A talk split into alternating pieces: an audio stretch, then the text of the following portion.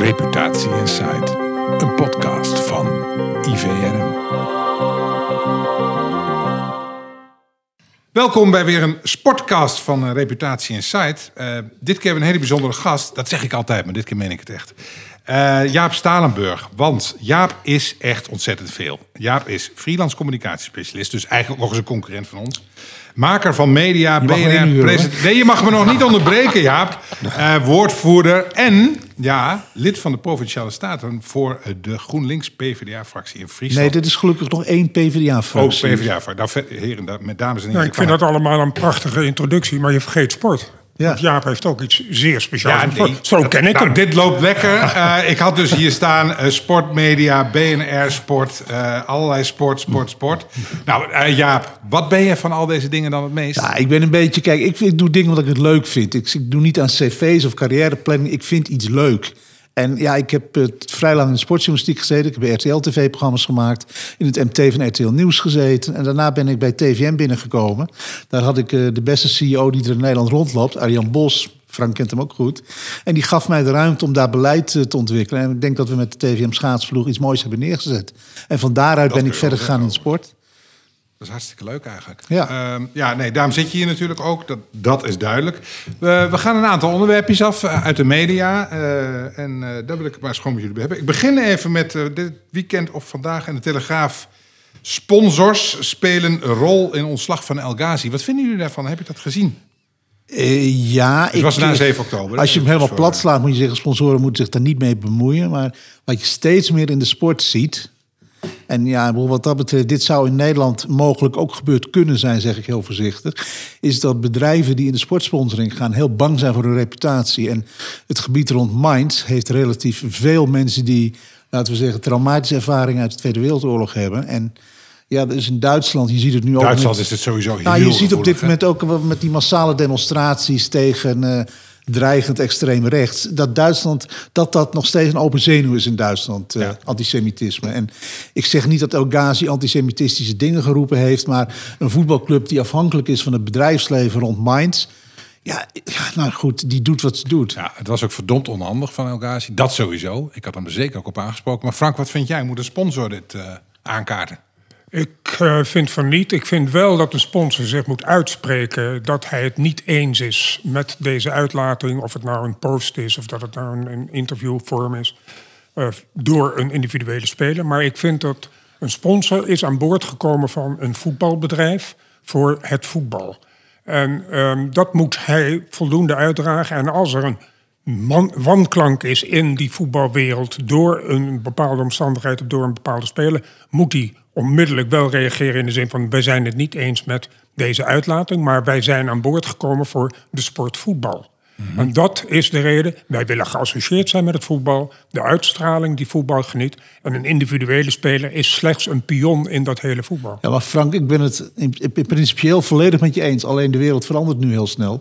Je ziet dat de politiek de bestuurskamers van de Raden van Bestuur binnenkomt. En als het daar niet binnenkomt, dan zijn het wel RVC's die politiek iets vinden. En zeker in Duitsland zijn dit gewoon hele gevoelige onderwerpen. Ik ben het met je eens en ik begrijp ook de, de nuance die je aanbrengt. En die is ook zeer zeker terecht. Maar ik wil eventjes een een, een, eventjes terug in de geschiedenis. Er was in de tijd, dat weet jij ook ongetwijfeld nog, Jaap... was er een geval dat Ajax en Feyenoord supporters... die zochten elkaar op in een weiland in Beverwijk... om, om het stelletje even een partijtje te matten. Ja. Er was er één man en die had een honkbalknuppel... en die sloeg iemand dood. Ja. Toen was uh, Stad Rotterdam was toen de hoofdsponsor van Feyenoord... Uh, meneer Verleeuwen was daar de CEO en die riep de volgende dag in de krant: Wij stoppen onmiddellijk met de sponsoring van Feyenoord. Toen heb ik hem gebeld en toen heb ik gezegd, dit is het domste wat je kunt doen. Je hebt door de jaren heen een enorme goodwill opgebouwd door het voetbalbedrijf Feyenoord te steunen. Als je nu uitstapt omdat één idioot iets geks heeft gedaan, dan laat je die, ja, vertrouwen komt te voet en vertrekt te paard. je hebt die zorgvuldig opgebouwde goodwill, bouw je in één keer af, want je laat alle fans van Feyenoord in de steek. En je doet eerder badwill dan goodwill voor je Ja, maar dit is bijna 30 jaar geleden, Frank. Ik begrijp volledig jouw verhaal. Maar als je nu bijvoorbeeld kijkt naar de casus Jumbo... dan zullen we even wegblijven bij de actuele casus. Want daar moet de rechter nog uitspraak over doen. Welke casus eh, doel je op? Want nou, ik bedoel, ik, de casus Jumbo die ik bedoel is... ik heb, uh, laten we zeggen, een jaar of tien geleden heel veel gesprekken gehad. Ik kan het nu, Frank weet het ook, kan het wel onthullen ook. Er was een optie dat TVM met Jumbo samen een schaats- en wielerploeg zou opzetten. Als ik het even helemaal makkelijk maak. En toen zei Frits van Eert altijd van... ja, ik zie het gewoon, ik, wij gaan daar last van krijgen als het wat fout gaat. En hoe voorkomen dat het fout gaat. En wees er ook van overtuigd dat als er een dopinggeval komt... dat wij niet eens meer een contra-expertise afwachten... maar dat de stekker er meteen uitgaat. Je merkt dat in de top van het bedrijfsleven reputatie... en, ja, en de maatschappelijke omgeving gewoon steeds belangrijker wordt. Dat ben ik volstrekt met je eens. En dat, dat is ook zo. Maar uiteindelijk Ik gaat het Jumbo, om... mag ik hem aansluiten bij Jumbo? Want voordat ik die vergeet. Je ziet nu dat Jumbo juist nu uit sport teruggaat. Omdat ze veel meer naar duurzame voeding willen. Goedkopere prijzen voor mensen die het toch al niet zo makkelijk hebben. Dat daar nu het maatschappelijk verhaal het wint van de sportsponsoring. Dat wint in de woorden van de CEO, wint het van de sportsponsoring. Of dat bij de consument zo is, dat durf ik nog te betwijfelen. Nou ja, En uiteindelijk gaat het om de consument. Jawel, maar ik boor dan even het beleid van, van Tom van Veen, de CEO, die, hes- die scherp zegt. Want ik sluit overigens niet uit, en ja, ik kan het wel zeggen, dat Jumbo nog wel drie jaar doorgaat in een rol bij de schaatsploeg. Want dat vinden ze een pure Nederlandse sport met Unox en ettensoep. Maar eh, ja, ik denk dat met name die grote miljoenenbedragen die er, eh, die er naar de sport gaan, dat, dat, daar, dat Jumbo het gevoel heeft dat ze daar last van krijgt. Dat de klant bij de kassa zegt, heel leuk, maar jouw boodschappen worden steeds duurder. Stop dan lekker met die wielenploeg en maak die pindakaas 20 cent Ja, goedkoper. maar zou het antwoord dan niet zijn dat je de miljoenen die je in een sportploeg stoept, dat je die anders besteedt en in ieder geval anders uitlegt? Dat je, dat je niet alleen maar uit bent op het kwantitatieve denken, zoveel mogelijk exposure, maar dat je uitgaat van het kwalitatieve aspect van sociaal-maatschappelijke impact die de sport heeft. Ik wil de jeugd aan het sporten brengen. Dat is een element dat nog veel te weinig wordt belicht. Dat is waar, alleen daar, ja, goed, ik heb natuurlijk heel veel met Frits van Eer te maken gehad toen TVM sponsor was van zijn Da- Dakar Rally Team. Dus dit gesprek hebben gevoerd. Frits altijd heel simpel, die was ook nooit een heel groot voorstander van de wielen- en schaatssponsoring. Die vond Formule 1 veel leuker. Die zei altijd, en echt heeft hij wel gelijk, ik ben liever in bijvoorbeeld Jouren, sponsor van de grootste voetbalclub daar. En ik zet daar mijn borden neer en ik, eh, wij regelen daar acties. Dan dat ik landelijk actief ga. Kijk, ik zou veel beter decentraal kunnen gaan sponsoren. Dat heeft voor mijn winkels veel meer effect. Ik had eh, vorige week in deze podcast, als deze live gaat zat winnen een paar weken geleden, Aad Kuiper, dat is de reclamemaker van de Jumbo eh, commercials. En we vroegen hem natuurlijk even naar dat reputatie-incident van die bouwvakker. Ja. Weer typisch zo'n incident, over, dus iedereen al lang weer vergeten. Aad zei, ja, ja, ja, dat kun je nou allemaal wel zeggen. Maar jongens, met een beetje goede uitleg had die commercial gewoon live kunnen blijven hoor. Eens. En daar was ik het eigenlijk helemaal mee eens. Eens. Ja, Wat een absoluut onzin. We eens. doen ook soms zo moeilijk over dingen. Ja, wel, maar dat, Nou, we leggen te veel zout of Ja, dat, dat is een incident. En Ja, was ook echt een dat- incident. maar waar we nu over praten... Ja, is dat- structureel, dat klopt. Kijk, mensen hebben al een... Ja, bedoel, ja, dat is nog leuk om niet. Er is een echt een soort wantrouwen bij de mensen tegen. Met name eh, woorden als graaitax en zo gaan rond. Dus tijdens de corona heel veel winst gemaakt... door met name de grote supermarkten. Door, de, door de alle marktomstandigheden. En er is... En, ja, en Jumbo ziet het dan als een potentieel reputatierisico... als daar ook nog die miljoenen sponsoring van de wielerploeg omheen hangt. Ja. Ja, maar hoe verklaar je dan, eh, Jaap, waar we het straks misschien ook nog over gaan hebben, is dat eh, de grote concurrent, of een van de grote concurrenten van Jumbo, Lidl, op dit moment eh, al bezig is met het veel meer gaan investeren in, wieler, in wielrennen en de beste wielerploeg van de wereld wil hebben in de komende Ja, jaren. dat, dat klopt. Alleen denk ik dat Lidl in dat geval, die werkt mondiaal. Lidl heeft ook een vestiging in Bangkok. En ik denk dat eh, met name Jumbo, eh, ik heb ook begrepen dat ze ook in België niet zoveel filialen meer gaan openen.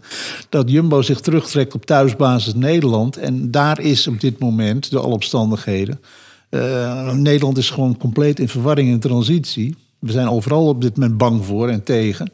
Ja, dus dat betekent dat die supermarkt niet die poenige sportsponsoring uitstraling wil hebben. Wat je er ook van vindt. Want ik had ook wel een verhaal kunnen bedenken voor ze... waardoor ze wel door hadden kunnen gaan. Exact. En voor Lidl kunnen we, laten we eerlijk zijn, wel tien verhalen bedenken die niets te maken hebben met heel erg goed wielerploeg eh, zijn.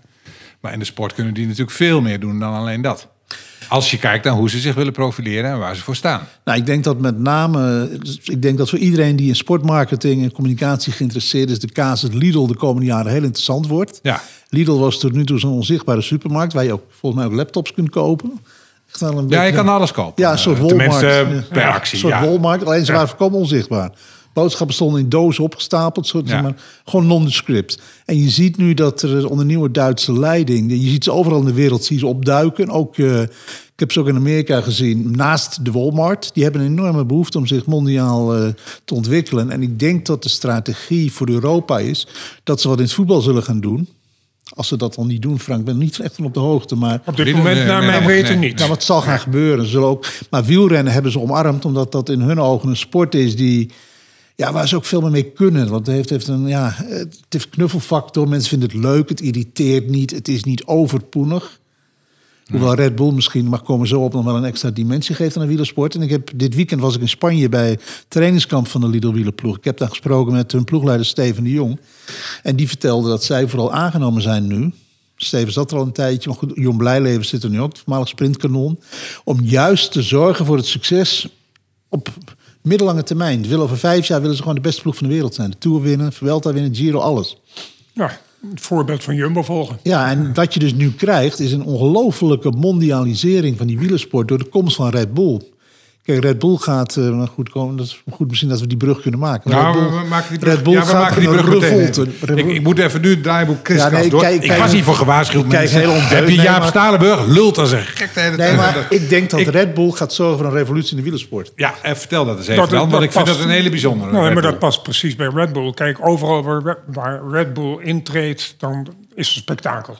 Ja. ze, A, ze, eh, ze kiezen de spektakelsporten. B, ze leveren nieuwe dimensies in de sport die zij betreden. Eh, Max Verstappen is natuurlijk een heel goed voorbeeld, maar eh, je ziet... En daarom denk ik dat het enigszins ouderwetse wielrennen gaat waanzinnig op de schop door de komst van een Red Bull. Ja, maar ook door, ook door de expansiedrift van Lidl bijvoorbeeld. Maar er komen wel meer... Nee, wacht even, hou daar even bij Red Bull. Nee, maar die, die twee. Maar Red Bull, wat Red Bull vooral gaat doen, is zorgen dat de sterren in huis halen. Je ziet het nu aan de beweging. Roglic is, is een renner die echt de Tour nu ook kan ja, winnen. natuurlijk. Ja. Dus Ja, maar het mooie- zij het investeren. Ik denk dat Wout van Aert volgend jaar ook bij Red Bull rijdt. Ook Ja, die jongen- heeft al een, sowieso al een persoonlijke deal met Red Bull. Daarom. Kijk maar naar zijn helm. Ik denk dat en wat Red Bull heel interessant, wat ik altijd heel leuk vind van Red Bull, dat is niet alleen een sponsor, maar Frank geeft het al een beetje aan, ze zijn al onzichtbaar. Kijk, eh, hun mediabeleid is bijvoorbeeld hartstikke interessant. Kijk, Nou, ze hebben een eigen mediabedrijf. Maar Precies. wat, wat, wat ik het mooiste vind van, van Red Bull op dit moment... terwijl je best wel een vraagteken kunt zetten... kan een product als Red Bull in de sport? Maar is dat, zo smerig. dat terzijde. maar Nee. Red Bull trekt jeugd aan. En elke sport op dit moment heeft, roept te pas en te onpas... wij hebben behoefte aan jeugd. Dus je ziet elke sport zichzelf hervormen... komen met nieuwe onderdelen die de jeugd aanspreken... kortere wedstrijden, beter geschikt voor de televisie... beter geschikt voor de schermpjes... En Red Bull kan je van verzekerd zijn dat zij een enorme doelgroep meenemen naar de wielersport. Ja, maar zij zullen ook, ze hebben ook de expertise in huis om met die vastgeroeste UCI en andere overkoepelende wielerorganisaties gewoon te zeggen: mijn heren, we gaan het gewoon zo doen. En gewoon niet eh, langs alle democratische gremia. Want Maar er denken jullie echt dat... en jullie kennen die sport beter dan ik? Nee, jullie kennen die veel beter. Die, de wielrensport, nou, dat is spannend. hè. Dat is natuurlijk een hele conservatieve sport. Dat Money ontwikkelt talks. wel. Money talks. Nou, zal- kijk, ze- ze hebben ik enorm- een voorbeeld aan van Ja, Nike. maar gaat dit nou echt... de- de- Ze hebben een enorm probleem, Ja, de wielersport. Want kijk, eh, elke andere sport bijna heeft een stadion en kunnen toeschouwers. Ja, in- ja. En die moeten een kaartje kopen. En dat hebben ze niet. Ze hebben die bron van inkomsten hebben ze niet. Ze hebben alleen uitzendrechten en ze hebben sponsors. En de uitzendrechten zijn van oud zijn gegroeid nog niet voor de helft van wat een andere sport aan de hand is. Hè, dus ze moeten een nieuw verdienmodel creëren. En door de komst van een Red Bull, door de, door de aanwezigheid van een In- Ineos, wat natuurlijk ook een, een, een waanzinnig vooruitstrevend Eigenaar bedrijf is door de eigenaar. United ook. Hebben net Manchester United gekocht. Hè, dus ze komen nu eh, in, een, in een situatie terecht waarin ze de hele wielersport, wat Jaap terecht zegt, die ingeslapen UCI moet wakker worden. En de hele wielersport, die immens populair is, krijgt een waanzinnige facelift Ja. door dit soort bedrijven. Kijk, uiteindelijk, kijk, waarom was iedereen in de jaren negentig zo bevreesd om Lance Armstrong aan te pakken voor doping? Want iedereen had al het vermoeden vanaf 1993 dat er wat speelde rond Armstrong. Maar eh, ja, Hein Verbrugge met name, de, de voorzitter van, eh, van de UCI, had een goede relatie met eh, Lance Armstrong. Omdat Lance Armstrong er persoonlijk voor gezorgd had dat eh, Coca-Cola een miljoenencontract verlengde met de organisatie van de Tour. Dat ging om frank tientallen miljoenen in die tijd. hè? Zeker. En Nike had eigenlijk op dat moment, en wat dat betreft is het, eh, is het drama Armstrong voor de Tour commercieel ook eh, heel, heel vervelend geworden. Nike had een werelddeal. Die, Nike had eigenlijk als wielrenner gekozen als, als hun belangrijkste outlet, zoals nu Red Bull dat doet. Die positie had Nike in die tijd. En je ziet dat dat voor Nike heeft dat goed gewerkt. We hebben daar eh, heel veel contact in die tijd met ze over gehad. En je ziet dat dan dus money talks. Dat het geld dan uiteindelijk eh, ook door de, de sport in beweging krijgt. En dat ook de sportbestuurders realiseren dat eh, ja, stilstand is achteruitgang. En waar, waar voor mij nog wel veel conservatisme zit, is bij de ploegen. Ik, moet ook met alle respect voor Jumbo-Visma, maar daar, daar begint de revolutie ook niet. Nee. Echt niet hoor. Nou, er is op dit moment zijn er gesprekken gaande tussen de ploeg, ploegen onderling. En daar zal Red Bull alleen maar een steentje aan bijdragen. Daar ben ik van overtuigd. Ja, maar Red Bull zegt hoe het Om de hele opzet Ja. Van het wielrennen te veranderen. En meer een Champions League model te gaan maken. En de macht van een organisatie als de ASO bijvoorbeeld. Die de Maar eigenaar van moet de ook haast deze ambitie wel hebben, anders dan doen ze dit toch niet? Dat, is toch, dat moet ook het, wel. dat is het mooie van dan een bedrijf als Red Bull. ruimte gooien of zo. eh. Als een bedrijf als Red Bull in de sport stapt, dan ben je ervan verzekerd dat dat ten goede komt van de sport. Maar toch heeft, toch heeft ah, ook al- ik heb jullie, denk ik. ook al rijdt het product niet helemaal. Dat speedskiën, dat is niks geworden. Nee, spo- de sport is niet... De, sport, Nee, nee, helemaal nee, eens. Even voor jullie informatie. Red Sport Bull maakbaar. ging je met 200 weet ik, Ja. kilometer van de berg af. Nee, maar je, aan. je Dus- moet niet zeggen het is niets geworden.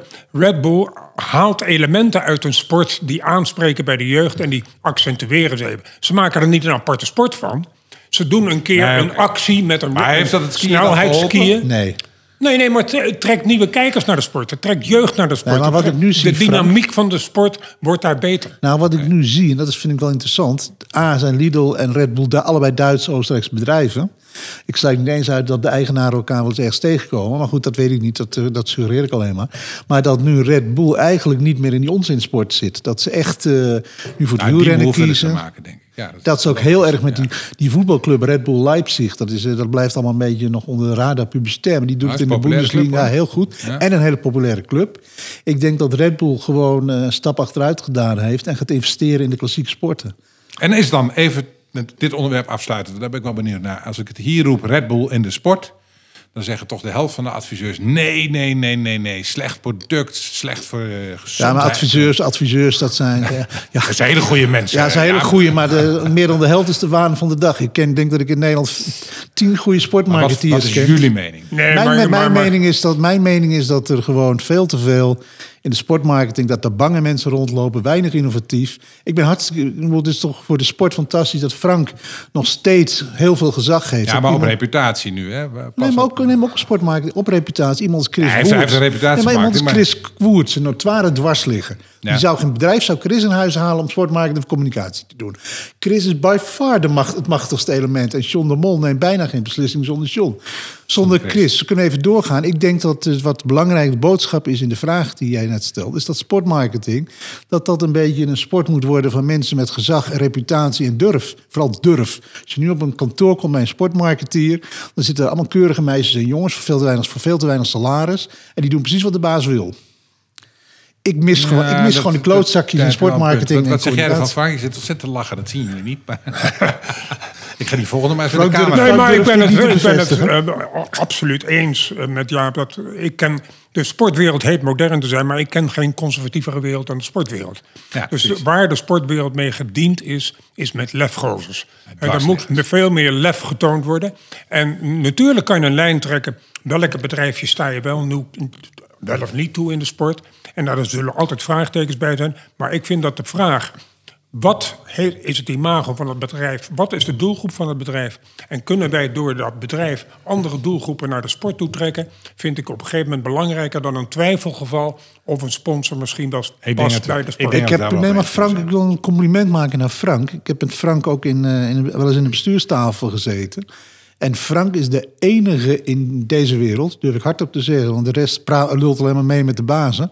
En de mensen die zorgen voor het geld. Frank durft ook tegen een CEO of een commissaris zeggen: Ik zou het zo niet doen. Het is heel onverstandig wat u doet. En dan Nou moeten ze Frank is echt de enige in dit vak die je kent. De rest is Ja. wuivend riet.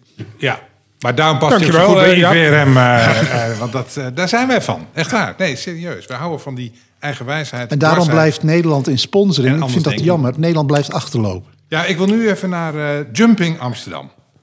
En waarom wil ik daar naartoe? Ik heb hem jullie vanochtend gestuurd, dus je hebt hem kunnen zien.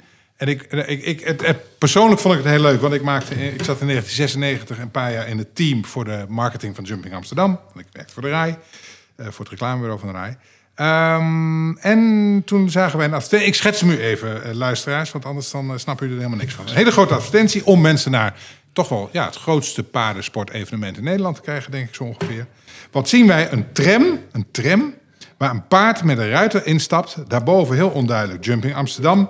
Daaronder een soortje logo's en een tekst. En het gaat over topsport, show en entertainment. Een advertentie. Nou, laat ik het zo zeggen. Als ik dan, eh, ik kom, eh, als je het reclamehandboek hoofdstuk 1 tot en met 5 erbij pakt. Doe alles wat je niet moet doen. Dat staat zo ongeveer in deze advertentie. Wat is hier aan de hand? Ik wil nog één ding toevoegen aan jouw omschrijving. Want jij zegt, er stapt een man in met een paard in een tram. Nou, hij staat zich helemaal wezenloos te duwen om dat paard in die tram te krijgen. natuurlijk, Dus maar wil ik het is zo, zo onnatuurlijk als Mooie het symboliek, Frank. Dus ja, ik vind het... Enerzijds vind ik het, als dierenliefhebber... vind ik het een, een, een absoluut wanproduct, die advertentie. Want Ja, wie stopt er nou een paard in het wie stopt er nou in godsnaam een paard in een tram? En het paard vindt het heel erg vervelend. Ja, en een collega van mij dacht zelfs... dit is omdat er iets aan de kaak te stellen met dierenmishandeling in de sport. Maar dat is het ook niet. Dat kan maar niet dit zijn. is een beetje wat, dit is, dit is wat ik eigenlijk net ook al benoemde. Er staan gewoon eh, tien merken onder ongeveer. Die hebben allemaal een reclamebureau. Daar zitten allemaal jongens en meisjes die geld moeten verdienen aan dit soort acties. En dan doen ze maar wat. Dus ik heb een heel mooi praktijkvoorbeeld. Sochi 2014, Olympische Spelen. Nou, daar kwam eh, aan de vooravond daarvan... vindt een directeur het dan wel leuk om een reclamebureau uit te nodigen. Als je in het noorden van het land woont, is het al heel deftig... als er in een autootje vier man uit Amsterdam komen. A, heel veel per uur. En er komt een presentatie, en dat was ook een beetje als dit: van ja, TVM moeten we laten zien hoe goed wij maatschappelijk verantwoord de spullen naar Sochi kunnen rijden. Nou, ik zat zo te luisteren, denk, wat kost, ik vroeg, eh, wat kost dit? Nou, dat was een, nou, zo rond de half miljoen. Zei, oké. Dus ik ben uit de vergadering gegaan samen met Gijzer Brouwer. Dat is voor mij nog steeds de beste digitale sportmarketeer van Nederland. Hoewel die zich nu met eh, culinair beziggaat. Onthoud die naam, Gijzer Brouwer. Dus wij zijn met z'n tweeën naar Arjan Bos gaan, de CEO die niet bij was. Zeg, Arjan, je hebt een budget beschikbaar gesteld voor marketing. Zeg maar rond de half miljoen. Dat vind ik prima. Dat bedrag is er blijkbaar. Geef Gijsbrecht aan mij nu 50.000 euro. En wij maken een spraakmakende campagne. Nou, wat hebben wij gedaan? We hebben gewoon eh, op een donderdagavond in Papendal... hebben de jongens en meisjes sporters bij elkaar geroepen... die op dat moment nog heel digibeet waren. Koen Verwij, Irene Wust, de hele top van het schaatsen. Ik dit is Gijzer Brouwer en dit zijn we van plan. Nou, ze gingen met de rug naar ons toe zitten... want daar Twitter en zo eigenlijk niks. Nou, toen zeiden we om te beginnen, dat had ik met Mark Verstegen van KPN geregeld. Jullie kregen allemaal een nieuwe telefoon. Nou, toen werd er al een beetje bijgedraaid. Daarnaast heeft Gijsbrecht het verhaal over selfies, de ontwikkeling van sportselfies verteld. Nou, in 2014 was de TVM Schaatsploeg, de Nederlandse ploeg, was de eerste sportorganisatie die daadwerkelijk selfies vanuit het Olympisch dorp de wereld instuurde. Jij weet dat nog.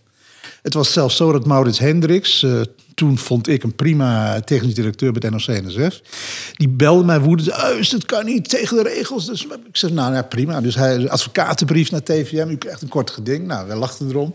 En een dag later appte Maurits mij, zei, Jaap, eh, het mag niet, maar ik krijg nu berichten van mijn kinderen dat ze het zo leuk vinden dat er zulke mooie dingen uit Nou, het Olympisch daar. dorp komen. Ja. Toen, zegt, toen zei Maurits van, nou, dat hebben wij nooit bereikt bij onze campagnes. Dus ja, af en toe is het ook... En dat gaat dan verder. Uiteindelijk wonnen wij dat jaar ook nog een oeuvreprijs bij de sponsoring. Vanwege een campagne die gewoon eh, bijna 4,5 ton goedkoper was... dan zo'n bedachte campagne zoals met dat paard. Waarbij ik nog even aan toevoeg dat hier alles samenkomt wat er op dit moment fout gaat. A is dat ik lees dat Jumping Amsterdam moet zo'n event worden. Nou, dat betekent... eh, dat trekt dan zo'n bureau trekt dan een la open en dan staat er een man te zingen en eh, de dans lichtflitsen door de zaal en het wordt een event. Dat gebeurt is prima. Het moet dan ook allemaal nog snel zijn, ook goed. Maar volgens mij is sport gewoon sport. En dan gaan we het ook nog maatschappelijk verantwoord presenteren. Want het zou kunnen zijn dat de paardensport een bedenkelijke, een bedenkelijke reputatie heeft. Nou, volgens mij is dat niet zo. Maar goed, hier is alles bij elkaar geperst. En Maar jij bedoelt maatschappelijk verantwoord is dat we met het openbaar vervoer naar het event Ja, nee, eh, dat is toch hoop ik. Ik nee, mag maar- toch hopen dat ze daar. Ja, maar dat is dus de warrige boodschap. Want dan wordt er dus bedacht van... Er is in het verleden wel eens wat fout gegaan met de military in Boekelo. Ik noem maar wat. Daar zijn we als klachten van de dierenbescherming geweest. Dus we moeten een beetje...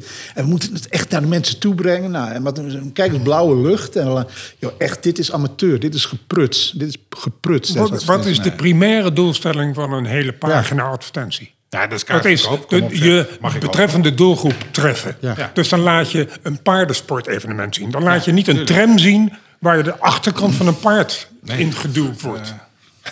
Ja, nee, ja, dit is echt. Ja, ik het heb in echt jaren niet zoiets achterlijks gezien. Het kost 10.000 euro nog steeds hoor. Ik bedoel, Nou, zeker. Het is echt niet En goed. daar heb je, en daar heb je niet het... Tienduizenden. Ja. Ik ga je zeggen, dit kost deze, deze advertentiepagina, groot in de Telegraaf, kost minimaal 50.000 euro. Plus het Ah, bureau- hebben plus ze niet, hebben ze niet goed bureaukosten. onderhandeld, maar oké. Nee, maar plus we dus- bureaukosten. eh. Bureaukosten, alles erbij, misschien nog wel. Ja, je moet- als je goed onderhandelt tegenwoordig, heb je hem wel minder. Ja, ja. Dat, ik weet niet of het een achterpagina is, dat kan ik eigenlijk even niet zien. Oké, ik wil naar de politiek een beetje, klein beetje. Maar we blijven bij de sport. Want eh, we maken ons in deze sportcast al een tijdje boos over de politiek. Nou ja, je zit in de politiek, dus daar willen we toch ook een klein beetje Maar, over maar niet bij een partij die verantwoordelijk is. Dat is altijd wat Nee, dat makkelijk. is altijd mooi. Ehm, maar het preventieakkoord. Eh, kennen we dat? Ja, preventieakkoord. Allemaal regels eh eh, gooien. Dit mag niet meer, dat mag niet meer. En vandaag een artikeltje. Het helpt niet genoeg. Wat moeten we daar nou mee? Ik denk dat we in Nederland eerst maar eens een aantal hele belangrijke stappen moeten gaan nemen. Dat is eh, gewoon vastleggen wat, wat de waarde van sport is voor de totale maatschappij. Dat gaat om hele simpele dingen. Ik heb het met Fred Teven een keer over gehad. Dat door het sporten bijvoorbeeld ook de cohesie in wijken groter wordt. Dat betekent meer veiligheid op straat. Ik bedoel, er is in Amsterdam wel eens eh, uitgerekend eh, wat, het, wat die kruifkoorts die, die voetbalveldjes in wijken, wat daar de waarde van is voor de sociale cohesie. Dat is ongelooflijk groot, dat is één. Twee, voor de gezondheid. We gaan naar enorme, de komende jaren, naar enorme stijging van, van kosten van, van gezondheid en, en überhaupt van het ouder, de gevolg van het ouder worden. Nou, dat is, dat is twee. En dan ten derde is ook de, de, de, zeg maar de, de, ja, de verbindende waarde van sport voor de samenleving in het geheel is heel groot. Nou, wat je nu steeds ziet, ik heb een, die mevrouw eh, die, die daar nu als minister over gaat, die heb ik nu een paar keer in de Tweede Kamer van nabij meegemaakt. Is dat helder? Heldert, die heeft geen enkel gevoel voor sport. Dat is weer een van die politici die je wat die de afgelopen jaren meer hebt gehad. Die het hartstikke leuk vinden om met een foute sjaal bij een week voetbal te gaan staan. Of we bij Ajax op de tribune dit is een kampioen worden. Want sport geeft hele leuke publiciteit. Maar er is geen enkele visie op hoe je met sport omgaat. Nou hebben we één geluk dat er in de Tweede Kamer een aantal Kamerleden zitten verspreid over partijen. Ik noem Lisa Westerveld. Ja. Maar ik, nou, er zijn er meer. Maar ook eh, bijvoorbeeld Mohamed Mohandes. Die ken ik even niet. Die is een partij, ook Partij van de Arbeid, Tweede Kamerlid, die die sport doet. Die wil die visie hebben, maar die komen er niet doorheen. Die komen er dus niet doorheen bij partijen die vinden dat de, dat de zorgkosten te hoog worden. En ze lopen voortdurend tegen dezelfde muur aan. We hebben er een tijdje geleden in deze podcast... eh, de verkiezingspro- voor de verkiezingen hebben we de verkiezingsprogramma's erop nageslagen. Nou Frank, weet je nog, stond niks in. Eigenlijk. Nee, maar daar heb ik mij vanaf het eerste moment over verbaasd. Kijk, iedereen met gezond verstand kan uitrekenen dat op de issues die vandaag de dag leven, dat sport daar ten dele we of, te- het of in zijn hele tijd, Ja. in ik totaliteit, vind, het gaat heel veel erger. antwoorden op kan geven. Ja, maar Frank, en het is daarom veel erger. verbaast het mij zo dat ik in de ver- verkiezingsprogramma's die vooraf gingen aan de verkiezing, eigenlijk het woord sport nergens Ja, maar Frank, het is nog veel erger. Het is op dit moment zo dat sporten waar vroeger kinderen gewoon naartoe konden, neem een voetbalclub, plaatselijke voetbalclub, die worden onbetaalbaar voor mensen die waarvan je eigenlijk weet dat ze een heel groot risico lopen op, eh, eh, om obese te worden, te dik te worden, te ongezond. Die, kunnen, die hebben niet geld om naar een voetbalclub te gaan, want die moeten kiezen aan het eind van de maand, die ouders. Of te betalen voor de contributie van de voetbalclub. Of dat ze, maar, of dat ze ik noem wat, een nieuwe wasmachine moeten kopen. Jongens, sport, het wordt, een- sporten wordt in Nederland een steeds groter probleem. En ja, ik vind dat de politiek daar gewoon verschrikkelijk slordig mee omgaat. Exact. Mogen we één tip geven? Ga korfballen, is niet zo duur. Dat is wel heel leuk. Nee, maar, dat- daarover in een Ja, andere daar- podcast nee, weer. maar daar ben ik wel, stel je over korfbal hebt, daar ben ik wel eens geïnteresseerd in. Ja, een klant. Ik heb een keer in Amerika gezeten, we waren ook met een excursie naar het Nike headquarter. Portland, ben jij waarschijnlijk ook wel eens geweest. En daar werd een, op een gegeven moment was daar een Amerikaan bezig over wat de belangrijkste waarden nu in Amerika in sport zijn. Nou, dat is aanzienlijk meer woke dan in Nederland. Eh, Ja, kan ik iedereen die luistert geruststellen. Toen zei iemand van, leg mij nou eens uit hoe het jullie niet lukt om korfbal tot een grote mondiale sport te maken. Korfbal heeft alles wat, wat bij de tijdgeest past. Het zijn meestal niet de meest fanatieke sporters, want het moet vooral wel leuk blijven. Het is hartstikke inclusief. Waarom lukt het nou niet om van korfbal een sport te maken die verder reikt dan de Bijbelbelt? Nou, dat is een vooringenomen mening die leeft. En dat is iets wat je onderuit moet halen. Het zijn heilige huisjes die omvergestoten moeten worden. En dat heeft denk ik ook te maken met het eh, gegeven dat de, golf, eh, de, de korfbalsport zelf te passief is geweest in het verleden. Eh, en daarom zijn wij nu als IVRM eh, zijn wij in contact met de bond. En wij gaan proberen de sport, en ik ben ervan overtuigd dat wij tools in handen hebben en gezond verstand voldoende in huis hebben, om een injectie te geven aan de korfbalsport. Ja, maar is het niet echt een probleem van korfbal dat het vooral een onderwijzers- en ambtenarensport is? Nou, dat is het imago dat het, Het imago, dat heeft. valt wel mee, hoor. maar als wij naar een wedstrijd gaan, wat ik recentelijk weer gedaan heb, eh, dan zie ik toch wel degelijk... dat Ook de het. Bijbelbelt valt best mee. Ja, het, het is wel degelijk een topsport. Gespeeld. Nee, ik zeg ook niet dat het geen topsport is. Ik denk alleen dat je als je commercieel kijkt en je kijkt naar reputatie en communicatie, dat je eigenlijk met, eh, met korfbal naar Amerika moeten over. Dat je bijvoorbeeld. Nou, het heeft allemaal twee- elementen in huis Nee, je dit zou moment heel belangrijk gewoon zijn. eens moeten beginnen om het eens een keer een Nederlandse korfbalclub drie maanden lang op een hele belangrijke sportcollege in Amerika- een tour te laten maken. Goed idee. De meest belangrijke sportcolleges in Amerika. Ja, vind ik een goed idee. En dan met het en dan iemand erbij die het verhaal vertelt. ja. Dus niet alleen we gaan korfballen, vindt u het leuk? Nee, wat, wat is het hele inclusieve verhaal? Wij roepen dat al jaren tegen de korfbalmensen. Maar ik heb een keer een hele discussie over gehad met Mario van den Ende. Die, heeft hij dan nog een functie? Oud scheidsrechter? Nou ja, hij, hij is in zoverre, hij is een influencer. Hè? Hij, Ja, hij maar komt Mario- veel in de media, dus... eh, Maar Mario liep tegen muur aan. Die, kwam, die, die, die was het volledig eens met dit verhaal. Maar die kwam niet verder binnen de organisatie. Nee, maar wij hebben goed vertrouwen in, de- in de huidige contacten die wij hebben op dit moment met het Korfbalverbond. Dat wij op de goede weg zijn. Dus eh, Oh ja, nee, dat, dat sowieso. Maar het moet wel Hey, snel. Want het kan voor, voor hetzelfde Ja. geld zijn er binnenkort weer andere dingen maatschappelijk Ja. belangrijk. ja. Heren, ik wil even afsluiten met een eh, afsluiter. ja. Hey. Ja, ja, ja, ja, ja. ja ik, ben, ik ben al door de tijd heen, maar dat had ik, ik had niet anders verwacht, Jaap. Dat is, natuurlijk, dat is mijn eigen risico. eh, ik Nou, er zijn, gebeuren zoveel leuke dingen in de sport. Ja, is Ja. zo. We kunnen Kunnen er we over uur- praten. Ja. Maar onze luisteraars willen toch het, voor, daar willen we toch het formatje een beetje voor vasthouden. Ehm, ik wil even Nike en Tiger Woods als afsluitend onderwerp. ja. Frank, jij hebt dat ingebracht. Vertel Ja. even wat er aan de hand is. En dan nog heel even Jaap. Nou, er is al sowieso, er is al 27 jaar lang is er een, een samenwerkingsband tussen Tiger Woods en Nike. En Nike heeft er mede voor gezorgd dat Tiger Woods de eerste sportmiljardair werd op aarde. Hij heeft meer dan 500 miljoen verdiend aan Nike. Dus Nike stak hem van top tot teen. Eigenlijk stak hij hem in de materialen, in de kleding, in de schoenen en de, zelfs de clubs.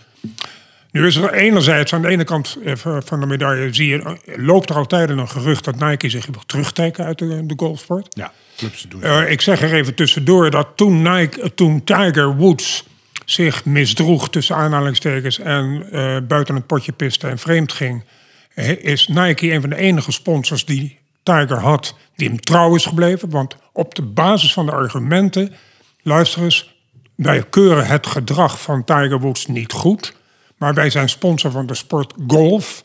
En hij is en hij blijft de beste golfer van de wereld, was hij op dat moment.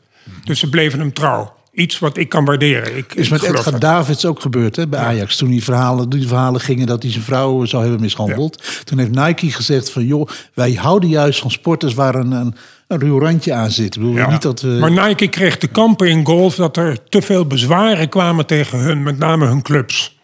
Er waren te veel golfers die negatieve publiciteit gingen creëren. En dat verspreidde zich natuurlijk in de wereld als een lopend vuurtje. En Nike heeft kennelijk achter de schermen besloten... we gaan ons stap voor stap terugtrekken uit golf. Ik denk dat dat erachter zit. Want intussen heeft Tiger Woods al geroepen... ik blijf golf trouw. Hij speelt al op andere schoenen. Hij speelt nog wel tot op de dag van vandaag in een Nike shirt. Maar dat zal zijn afgesproken achter de schermen. Maar er werd gespeculeerd dat Nike... of dat Tiger Woods had gezegd... eh, ik stop met golf. Maar dat is, absoluut niet aan de orde. Ik ben ervan overtuigd dat Nike het initiatief heeft genomen... tot het verbreken van dit contract. Zou dat dan toch de hand van Dirk-Jan van Hameren zijn, denk ik nu hard. Nou ja, ik wou Dirk-Jan van Hameren wilde ik net niet even noemen. Maar Dirk-Jan verdient, eh, verdient heel veel credits. Want Dirk Ja, Jan, dat is zeker. Nee, maar Dirk-Jan was ook de man, we kunnen nu al zeggen... ik wil eigenlijk, eigenlijk gewoon wat algemener maken... die ooit de, de tientallen miljoenen van Nike voor de Tour de France er binnenbracht. Ja, zeker. Ja, Dirk-Jan is een van de, laten we zeggen, die is, eh, nou, die is ook lekker eigenzinnig. Heeft ook een mening, is ook niet een meebuiger. Nou, dat- je- daarom zit hij bij Nike. ja, precies. Dus je ziet altijd, en dat moet dan, dat kan dan de les zijn voor iedereen die luistert en denkt dat hij de hele dag met zijn pinklang en zijn broek naast moet staan. Juist eigenzinnige mensen overleven in dit vak. Ja. En Dirk Jan is daar een heel goed voorbeeld van. Topman bij Nike. Ja. Absoluut.